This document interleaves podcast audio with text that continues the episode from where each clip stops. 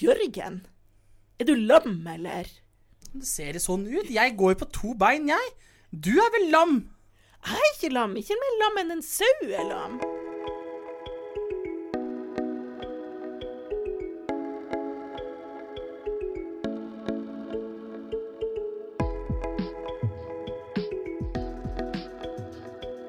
Folk flest, en podkast fra Norges Handikapforbund.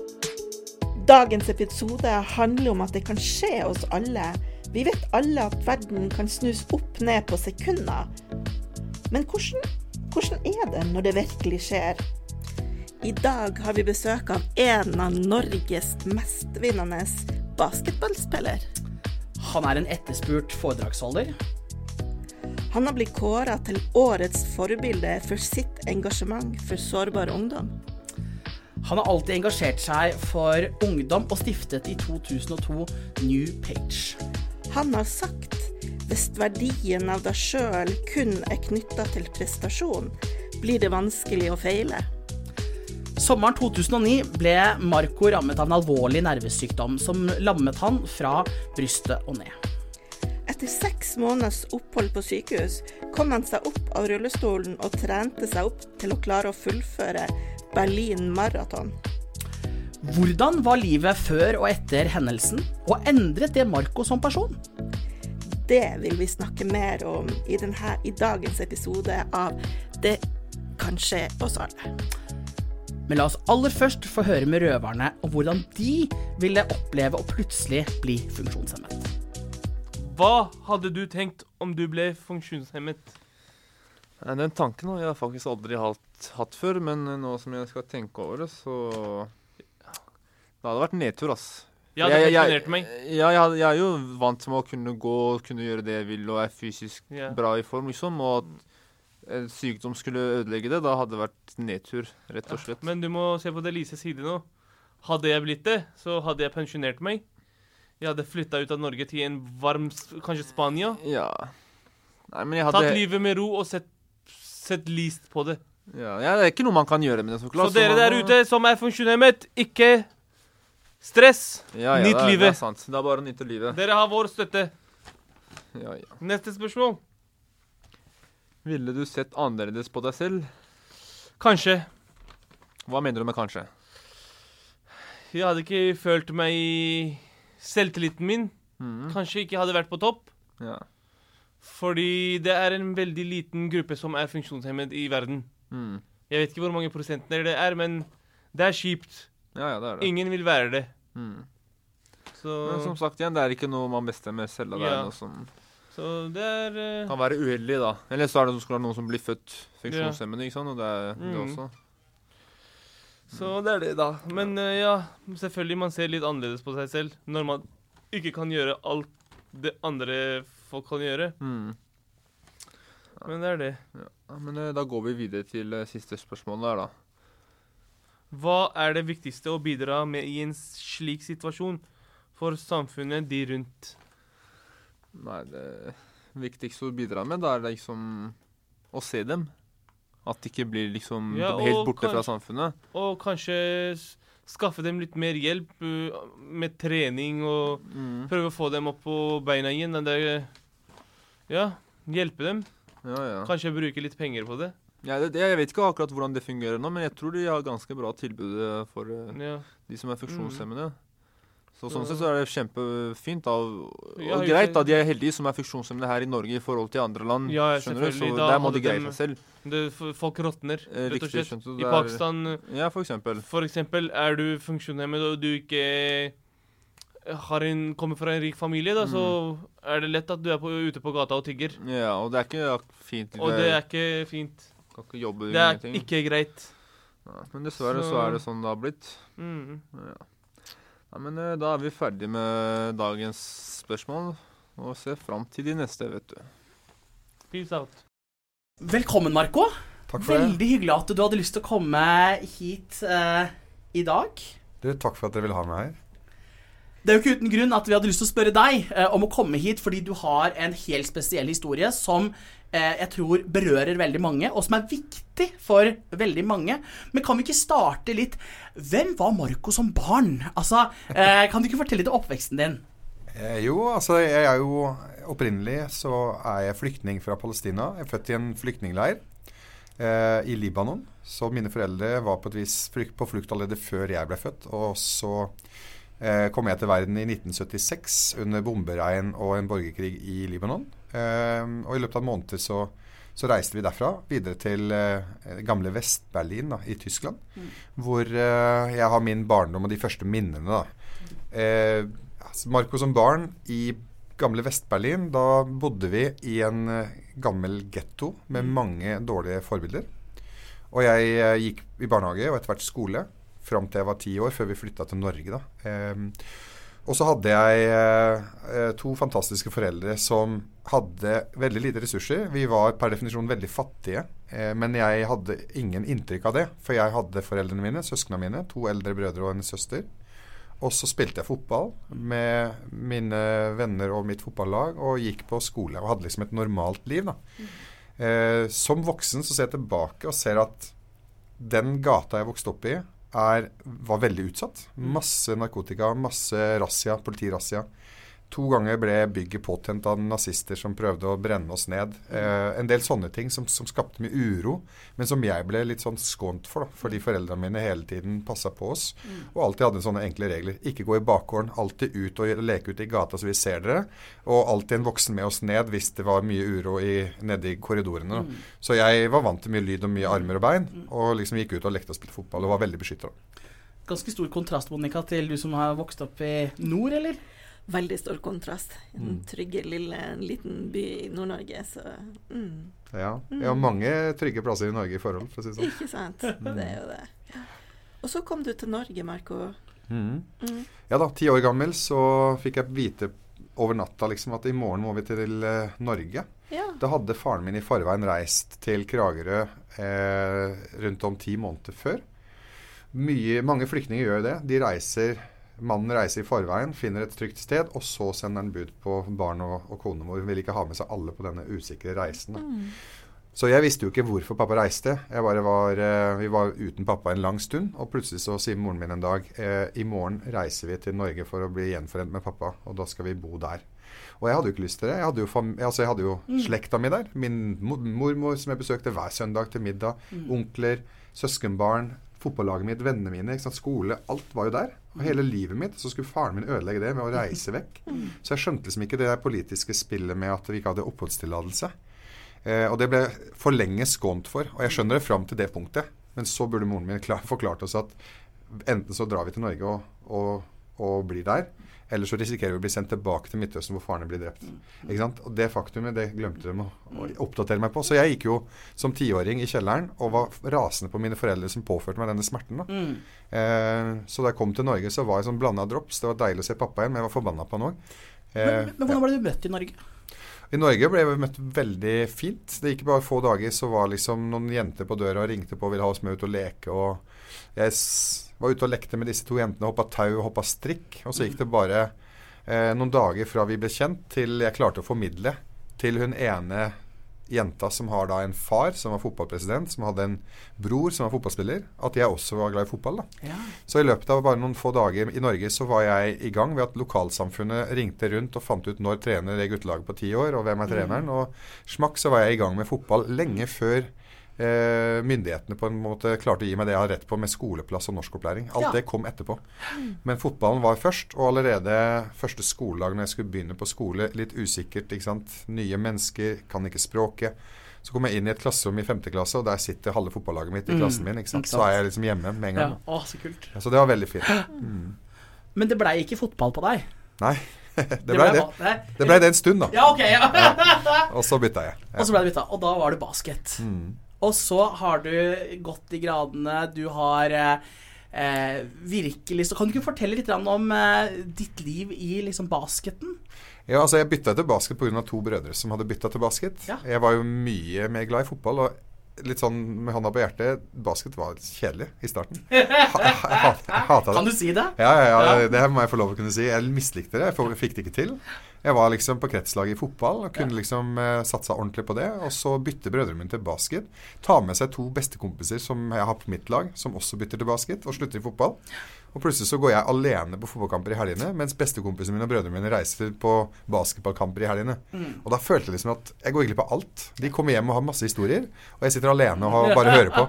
Så det var egentlig det som gjorde at jeg bytta til eh, basket. Da. Så jeg pleier å si ofte at eh, jeg kunne ha blitt noe mye verre enn en basketspiller hvis brødrene mine hadde endt opp på feil sted til feil tid. Så hadde de dratt meg med inn i det dragsuget. da.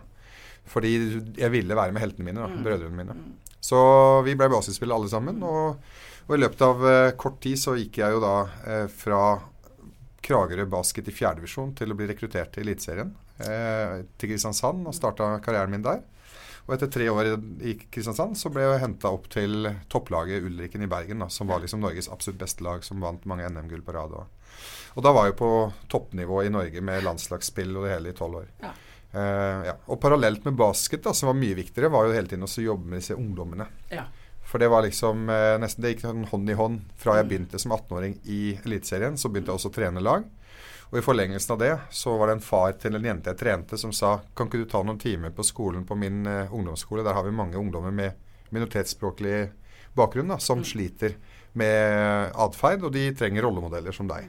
Så da spurte han rett ut kan du ta noen vikartimer. Jeg var 20 år og hadde ingen erfaring med verken ungdom eller lærerjobb eller noe. Men jeg hadde vært trener, og det var den rollen han så, for jeg var så tydelig og så retorisk eh, god på å forvente noe positivt av de jentene som jeg trente. Og han sa hvis du klarer det med min datter på 13, så tror jeg mange av de gutta vil høre på deg. Så det var liksom en, en sånn fyr som bare oppdaga et talent i meg som jeg ikke skjønte sjøl, før jeg da begynte å jobbe som lærer og hadde supermatch med denne aggressive målgruppa av gutter. da. Så de har jeg hele tiden jobba med ved siden av toppidrett. da. Ja. Mm. Har du drevet med noe idrett, Monica? Nei. Nei, nei, nei, nei, jeg har ikke drevet med noe idrett. Men jeg har vært aktiv på mange andre områder. Ja. Men Markus, eh, du har jo Du har jo en, må jo ha en ganske trygg og bra personlighet som gjør at alle de folkene ser ressursene dine. Ja.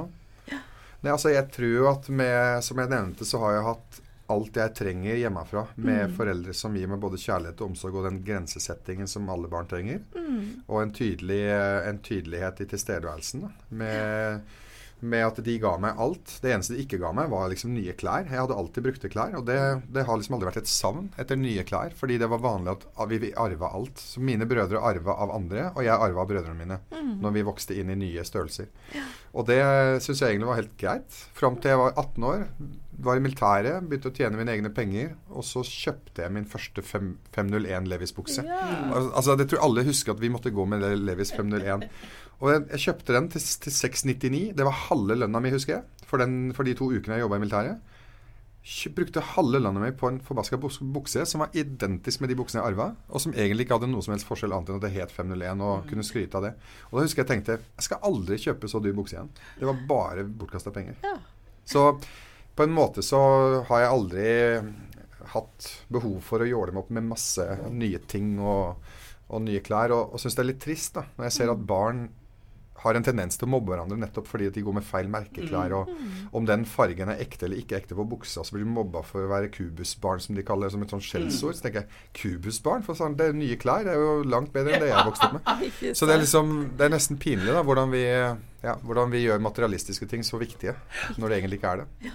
Eh, Du, Marco, hvor var du i livet når, når du fikk den, den sykdommen? Og det var, da var jeg eh, in heaven. Altså jeg hadde Ja. det jo så bra som det går an å ha det. Ja, for du, var på, du var, spilte på topp i Ja, ja. basket, du var Ja, jeg var ikke bare på topp i basket. Jeg hadde jo nettopp vunnet NM-gull. Ja. Jeg hadde nettopp blitt pappa. Ikke sant? Førstegangspappa. Nå har jeg jo tre barn, men Sara var ny, nyfødt i februar. I Mm. april ble vi norgesmestere. Eh, og går inn i sommerferien med sånn enorm sånn boost. følelse av at Mm. eh, dette her er året mitt. Jeg har det helt supert. ikke sant? Nå har vi ferie. og Jeg hadde liksom tatt ut litt pappaperm. Vi dro på, på, på tur til Finland og dro på tivoli og koste oss som familie, oss tre. Eh, meg og mammaen til Sara og Sara. Og så kom vi hjem fra den ferien, og så gikk det en ukes tid, og så begynte jeg å jobbe litt i, i hagen. Og mens jeg jobba i hagen, så kjente jeg at kroppen var utrolig tung. Eh, så jeg gjorde første lag av en mur. Og så venta jeg med lag nummer to. da Vi hadde liksom vatra alt. Det, det meste var gjort. Og første laget, fundamentet, er lagt. Og da er det egentlig bare å bygge oppå. Så jeg tenkte at det kan jeg ta i morgen. Hviler i kveld. Og så gikk jeg inn og hvilte i sofaen. Og så ble jeg bare mer og mer sliten. Og neste morgen var jeg enda mer sliten. Og, det, og da skjønte jeg at noe er feil. For jeg kjenner kroppen min såpass godt etter all den treninga at du skal ikke bli mer sliten av å hvile. Så jeg ringte broren min som er lege, og liksom sa til han at eh, jeg er litt urolig, for sånn og sånn har skjedd. Og han sa ta, ta, dra på legevakta. Og da sa jeg til henne at nå, nå må du roe ned litt. Jeg tror jo det kommer til å gå seg til. Vi ser utover dagen. Uh, ble hjemme en dag til. Overnatta hjemme en natt til. Og neste morgen så kunne jeg ikke stå oppreist. Altså jeg hadde mista styrken i hele kroppen. da. Og endte da med å bli henta av en ambulanse. For jeg klarte ikke å sette meg opp. Jeg måtte bæres ut i båre. Ja, det var, jeg husker det var så flaut å liksom oppta så mye kapasitet med en ambulanse og folk som må bære rundt på meg. Men samtidig så det, altså Hjernen min hang ikke med på hvor alvorlig det var. Fordi at kroppen var jo ferdig. Den ville jo ikke flytte seg en millimeter. Og da ble jeg innlagt på sykehuset. Eh, og sjekka inn liksom i midten av juli og sjekka ut igjen i desember. Jeg hadde liksom en, en eller annen tanke om at eh, åh, jeg har dårlig tid, jeg må bli fort frisk igjen, for jeg venta besøk fra Tyskland i løpet av ferien. ikke sant? Og liksom alle de tingene hvor hjernen bare ikke er med på alvoret. da. Så når legen sa til meg du må belage deg på å være her en stund, så husker jeg sa til han ja, ja, men jeg kan ikke overnatte her. Og da lo han. Jeg sa eh, ikke, du skal ikke bare overnatte her, du skal nok bo her en god stund. Så. Men skjønte de raskt hva det kunne være? Ja, jeg var ganske heldig sånn, fordi da jeg kom inn på sykehuset den sommerferien, så var det en professor i nevrologi som hadde vikaruke for å få kabalen til å gå opp. For det er masse leger som er på ferie, så han steppa inn for å få kabalen til å gå opp med ferie. Så dette var den mest kompetente legen på huset, faktisk, som møter meg, og som umiddelbart catcher hva det er. Sånn at han bare tar en sånn ryggmargsprøve og få bekrefta at det er Guillain-Barré syndrom. da. En ganske alvorlig og veldig sjelden nervesykdom. Og jeg veit om mange pasienter som har gått i ukevis før de har skjønt hva det er. Mens han tok den jo med en gang. Og det var jo veldig fint, for da kunne jo også behandlingen begynne ganske på direkten. da. Men var de sånn tydelige med en gang, på en måte? Altså, Sa de noe altså, var, var, de, var de ærlige, på en måte? Altså, var, eller, eller, altså, hvordan var liksom de beskjedene? Hva fikk du Altså, fikk du høre at uh, uh, du kom til å bli lam? Altså, hva, hva, Jeg, ja, skjedde da? jeg var jo liksom? blitt lam. ikke Ja, sant? Sånn at uh, når han uh, gjør disse to de, de, Den dagen det tar før man gjør de undersøkelsene og får svar Mm. Altså Dag to på sykehuset så kommer han tilbake, han eh, professor Gillius som han heter, og så sier han til meg Marco, du har vært veldig uheldig. Du har blitt slått ut med Guillain-Barré syndrom, en veldig sjelden nervesykdom. To bergensere i snitt per år, sa han. Blir slått ut med dette her. 50 totalt i hele Ja. landet. Eh, så, sånn sett så er det flere lottomillionærer han, enn en folk som blir slått ut med dette. Sa han om prognosen? Ja, og før han rakk å si noe om det, så sier jo jeg ikke sant, litt sånn teit tilbake, for jeg har mye galgenhumor i meg. Så sier jeg til professor Gillius Men hvorfor ble jeg syk? Jeg er jo ikke bergenser. Og, Ikke sant? Og så fikk han en sånn liten sånn latterkule, og så la han til Ja, men det gode humøret der, det kommer godt med nå, sa han. Så da spurte jeg han hvilke andre fordeler har jeg? Så spora vi liksom over på det. ja. Eh, og den samtalen Og da fortalte han meg at jo, du er jo godt trent. Eh, det kommer godt med. Jeg, kroppen din skal Det er kroppen din som må gjøre jobben. Eh, det er ingen medisiner som kan hjelpe deg. Vi skal gi deg litt sånn eh, dialysebehandling for å hjelpe kroppen i gang, men det er kroppen som skal gjøre jobben. Så Og da og da fikk jeg vite litt om den prognosen, hvor han sa at de aller fleste vil jo bli bra igjen, men det er, eh, det er faktisk 5% som dør. Eh, rundt om 5 eller 10 eller noe sånt. Og så sa han at eh, noen og 20% får varige skader. Men de aller fleste blir helt friske igjen. Men det avhenger av hva kroppen din tillater. da. Så vi får vente og se. Eh, vi vet ikke om du kommer til å kunne gå igjen, men, men det får tiden vise. Så han var bånn ærlig på det. Eh, og så, men vi hadde en veldig sånn åpen og god dialog hele veien. Da. Eh, Og jeg var veldig trygg på han, for han var hele tiden inne og sjekka, selv om han var ferdig med å være legen min. Jeg bodde jo på det sykehuset i mange måneder. Og da var han allerede i gang med forskningen sin og undervisningen som han drev med ellers. Eh, så han kom stadig ned til meg og stakk innom på fredagene før jeg skulle ta permisjon et par dager hjemme. Så spurte han åssen går det. Og så hadde vi en liten prat, og jeg hadde utrolig mye eh, gevinst i de samtalene, for han lærte meg så mye om nevrologien i kroppen. Hvordan hjernen henger sammen, hvordan hjerne, muskulatur, følelse henger sammen. Og alt det som jeg ikke visste, men som jeg likevel har forholdt meg til i jobben min med disse unge, og med meg sjøl som toppidrettsutøver, når du skal håndtere og, og skyte den straffa i slutt, sluttøyeblikkene hvor du er nervøs. Da. Hvorfor bommer folk når det virkelig gjelder? Og svaret er fordi hjernen din er ekstremt god til å lage skrekkscenarioer. ikke sant? Så det å lære å bli kjent med hvordan kan jeg ta mer kontroll over hjernen min, og hvordan, hvordan eh, tenkehjernen, altså cortexen, hvordan den kan overkjøre amygdala, som er eh, følelsesstyrt og veldig, ikke sant? veldig flink til å fyre på sinne eller nervøsitet eller, eller avmakt, eller alle de følelsene som dukker opp gjennom amygdala. Da. Hvordan jeg kan regulere det ved å ta kontroll gjennom tanketrening. Og det har jo jeg brukt for alt jeg har vært i møte med ungdom. For nå har jeg liksom brukt de siste 10-11 åra har jeg brukt mye mer tid på å hjelpe dem med strategier mentalt som gjør at de kan hjelpe seg selv. Framfor at jeg skal gå inn og bare være den relasjonelle voksne som skal prøve å støtte dem. For da blir, da blir de litt avhengig av meg, istedenfor å bli helt uavhengig av andre. Og det tror jeg kanskje mange kan kjenne seg igjen i når de sitter rundt om i fengslene. At mange av de tingene som har fått dem inn i ulag, handler mye om regulering og mangel på selvkontroll. Sant? Men var du aldri redd på noe tidspunkt? Altså Du sier at du kan styre en del selv, men jeg, pers- jeg ville tenkt at jeg hadde blitt dritredd. Altså, Ja. Eh, Var du aldri redd? Eller familien Jo. din? Altså Jo, jo, jo. Og, Ja. og, og hvis du ikke blir redd i en sånn situasjon, så er du ikke normal. Da tror ikke, da tror ikke, da tror jeg du har en diagnose du ikke har lyst på.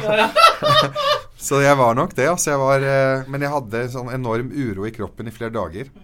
Og det var jo fram til jeg fikk vite hva det var. Og så sa professor Gillius noe under, under den samtalen hvor jeg fikk prognosen. da. Så spurte jeg han men hva må jeg gjøre nå? Hva kan jeg gjøre nå? Og hvorfor jeg spurte om det, er fordi at eh, Litt sånn som professor Gillius refererte til den samtalen flere ganger når vi snakka seinere. Så sa han Husker du, for jeg spurte han en gang, hvordan blir man optimist? Mm. Og da sa han en optimist er jo bare en person som tenker mer positivt enn andre i gjennomsnitt. da. Og personen selv beskriver seg selv som normal fordi han opplever seg selv oppriktig som normal. Fordi han eller hun er vant til sine egne tanker. Ja. Og det samme gjelder de som er ekstra pessimistiske, og de som er ekstra tunge. De blir også vant til sine egne tanker, at de skjønner ikke at de er veldig tunge. Det er de rundt som ser at du er veldig positiv, eller du er veldig negativ. Og dermed så sa han en optimist. Det er jo bare en definisjon som andre setter på en person. Men jeg kan si hvordan du blir optimist. Hvordan du får en mer sånn foroverlent hjerne. Da må du tenke positive tanker nok ganger og repetere nok ganger, sånn at hjernen automatiserer det. Hjernen elsker automatikk og vaner. Og vi går inn i vanemønster, og dermed så blir vi på en måte et produkt av hvordan vi tenker. Og, og han sa at eh, hvis du skal endre hjernestruktur, så må du huske å gjøre det i fredstid. For når stormen kommer, så lar det seg ikke gjøre. Da er man ikke kreativ og i stand til å gjøre noe nytt. Da gjør du det du er vant til fra før, og automatikken slår inn. Og Derfor så sa han når jeg spurte, når jeg ga deg den dårlige nyheten om at du har vært uheldig og blitt slått ut med Guillain-Barré-syndrom, og to bergensere blir dårlige i hvert år, og du kontrer med at du ikke er bergenser, så sa han det gjør du på refleks.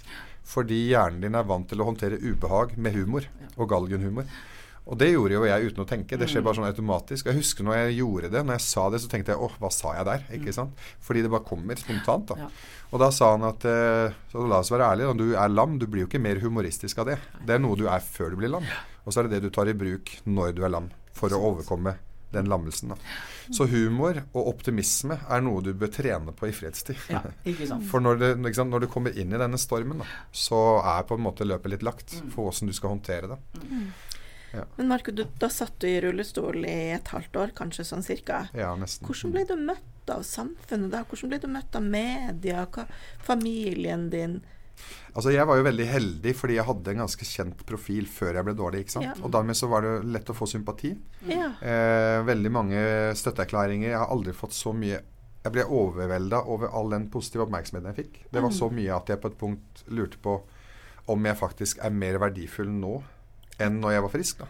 ja. Og det er en sånn tanke som var litt sånn skremmende, hvor jeg satt, spurte meg selv er folk blitt mye mer glad i meg nå fordi jeg er lam, eller har de alltid vært glad i meg, men bare glemt å si det? da?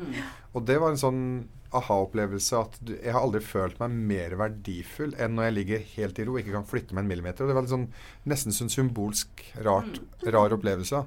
At når jeg ikke kan gå rundt og hjelpe ungdommer, ikke kan redde andre, og bare ligger og overlever, da, og andre må ivareta meg, da får jeg beskjed om hvor viktig jeg er, og hvor fantastisk jeg er, ikke sant, og hvor bra jeg er. Og da husker jeg tenkte wow, så heldig jeg var som fikk oppleve det, og at ikke jeg brått ble, ble drept i en ulykke. For da hadde jeg aldri fått vite hvor bra jeg faktisk er, da. Ikke sant? Så jeg husker jeg tenkte i mitt hode ønsker, jeg unner alle å, å få den opplevelsen. Unner alle å bli litt alvorlig syk og frisk igjen. For å få liksom den der ærlige responsen fra samfunnet, som vi ofte får i begravelsen. Men det er jo liksom hakket for seint for den stakkaren som det gjelder. da. Og derfor så har jeg liksom prøvd å gi, gi meg selv i oppgave å prøve å sette såpass pris på de rundt meg, uten at de må bli lam først, som jeg føler at de fortjener det. Jeg vet jo at mange som er funksjonshemma, de opplever i, som, som en forlengelse av det du sier, så opplever de at forventningskravene blir så lave. Ja. Hadde du noen sånne opplevelser? Og at Ja, absolutt. Og venner, venner som kom på besøk, som, Ja. som plutselig begynner å dytte i rullestolen min mens jeg ruller sjøl. Så sier jeg hva er det du driver med? Jeg skal bare hjelpe deg. Jeg trenger ikke hjelp. Slipp taket. Jeg vil ha kontroll på rullestolen min sjøl. Altså sånne småting. Det er ment i beste hensikt, Ja. men man, man stakkarsliggjør. Eh, og min eh, datter har jo en onkel som har vært i rullestol hele livet. Han var født lam. Og eh, mora, altså mor, mormor til min datter, hun har jo konsekvent gitt han like mye ansvar som de andre tre funksjonsfriske barna. Med husvask, med rydde rommet, med å liksom bidra som, som et fullverdig medlem av familien. Og det er jo ikke, og, og mange, hun fortalte meg det, at mange har kritisert henne på bygda og sagt liksom hvordan kunne du la han stakkaren som sitter i rullestol, og rydde rommet? Eh, og hun tenkte selvfølgelig skal han rydde rommet. Og han har jo blitt ingeniør, ikke sant, og som eh, jobber fulltid og bor alene og har liksom og har vært et fullverdig medlem av samfunnet og betalt skatt som alle andre. Og det, og det er liksom ikke blitt sydd puter under armene på. da. Og jeg tror mye av holdningen handler om hvordan han blir møtt, og hva slags krav man blir stilt til. da. Ikke sant? For jeg bruker jo også rullestol, Mm. eh, som lytterne kanskje har fått med seg. Eh, og, eh, og jeg opplever også at jeg, på samme måte som onkelen til din datter, da, har blitt stilt forventninger til. Og jeg har også fått masse plikter når jeg var barn. Så Ja. kanskje det er noe sånn nordnorsk fenomen, da. Ja, så bra. Ja, det kan være. ja. Nordnorske tøffe mødre som Ikke sier? 'ikke søren, min datter og min sønn skal klare seg som, som Ikke det er'. Ja. Men sånn litt sånn avslutningsvis, Marco, har du noen råd til andre som kommer i litt samme situasjon som det du var i? Altså, alt jeg kan si, er at livet byr jo på motgang i større eller mindre grad hele tiden. Så den garantien gir jeg til alle når jeg reiser rundt og holder foredrag. Dere kommer til å møte motgang. Spørsmålet er ikke om dere gjør det, spørsmålet er hvordan du håndterer det. Og da kan det være lurt å trene på det. da. Hvordan vil du, Hvilke strategier da, skal du utvikle sånn at du klarer deg? Sånn at du håndterer livet ditt på godt og vondt. Det er veldig lett å være meg i medvind når alt går bra, men hvordan er det å være meg i motvind? da? Den versjonen av meg må jeg også utvikle, sånn at jeg kan mestre både oppturene og nedturene. Så med mine tre barn, som er mitt hovedansvar, så har ikke jeg planer om å bare gi dem kjærlighet, og trygghet og omsorg. Jeg har tenkt å gi dem masse strategier for å håndtere sitt liv, for de kommer til å ha forskjellige liv. Og så må jeg gi dem generelle strategier som heter 'vi gir oss aldri'. Det er en av verdiene vi jobber med. For vi gir oss ikke. Altså Når livet blir vanskelig, så gir vi oss ikke. Det er ikke noe alternativ. Og det skal barna mine vite, at 'vi gir oss aldri' er en egen strategi i vår familie. Så har vi liksom delestrategien. Vi skal dele. Det går an å dele alt fra lekene vi leker med nå, til mat vi spiser, til historier, til opplevelser. Å dele gjør at det blir dobbel glede. Altså det, det å lære seg som menneske at det fins noen grunnleggende strategier alle bør utvikle. da. Som f.eks. å ha mer bevissthet rundt selvkontroll. Som f.eks. da handler om å utvikle viljestyrke. Eh, og du jobber på en måte med viljestyrken hver gang du gjør noe du ikke har lyst til, men som du veit er smart å gjøre likevel. Veldig mange utvikler en form for latskap og unngår det som er tungt og vanskelig. Og så er det mange som gjør det de skal og bør, og kommer mye lenger i livet. Og det veit vi, at viljestyrke er helt avgjørende for at du skal få et godt og produktivt liv. da. Og takknemlighet, f.eks. En strategi som man må utvikle. Jo mer takknemlig du er for hverdagsting i livet ditt, desto gladere og mer lykkelig blir du. Og Det er en sånn umiddelbar utløsende faktor som gir deg gevinst her og nå. Og hvis folk glemmer det, så går de glipp av det.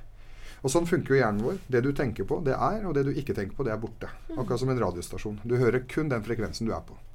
Og dermed så må du hele veien utvikle disse strategiene for å få det gode livet. Og det gjelder alle uansett om du er funksjonsfrisk og har masse penger, eller om du er fattig og, og, og har eh, begrensninger fysisk. Du trenger disse strategiene for å få et godt liv. For et godt liv er ikke definert på funksjonsfrisk eller ikke, eller økonomi. Det er definert på hvordan du har det inni hodet ditt. Og hvordan du, hvordan du velger å leve livet ditt sjøl. Ja. Mm, så Og- det handler jo om mentale prosess, prosesser, da. Ja, og, Ja. og, og det evige relasjonelle spillet. Ja. At du har noen som er glad i deg, og som du er glad i, og som gir deg verdi i livet. Mm. At du føler deg verdifull og, og ønsket. da. Så, så to ting jeg vil at mine barn skal bli gode på. da. Det ene er at de, blir, de skal bli gode på å håndtere samspill med andre. Og tåle, at folk er forskjellige, likevel være vennlige og respektfulle og ha verdighet i samtaler. Og det andre er at de skal bli gode til å ha sunne prosesser inni eget hode. At de pusher seg selv opp og fram i livet og heier seg selv fram. Og Hvis du har et godt forhold til deg selv og et godt forhold til de rundt deg, så er grunnlaget lagt for at du skal få det gode livet. Marco, det har vært utrolig fint å ha deg som gjest i podkasten vår. eh, Og utrolig interessant, eh, interessant å snakke med deg. Vi har et eh, avslutningsspørsmål som vi bruker å stille alle, alle gjestene våre. Og det er akkurat i dag, hva er ditt største handikap? Oi, det var et godt spørsmål. Altså, vet du hva? Mitt største handikap i dag Jeg, jeg veit ikke. Hva kan det være, da? Jeg føler på en måte at eh, jeg har et såpass rikt liv Ja. at det blir en sånn overfladisk ting Ja. som ikke er uh, dyptsittende. Men uh, det største handikappet er vel kanskje at, at jeg ikke rekker jeg, re jeg rekker ikke alt jeg har lyst til å rekke, da. Men jeg rekker jo mye. Og så har jeg veldig lyst til å rekke mer. Ja.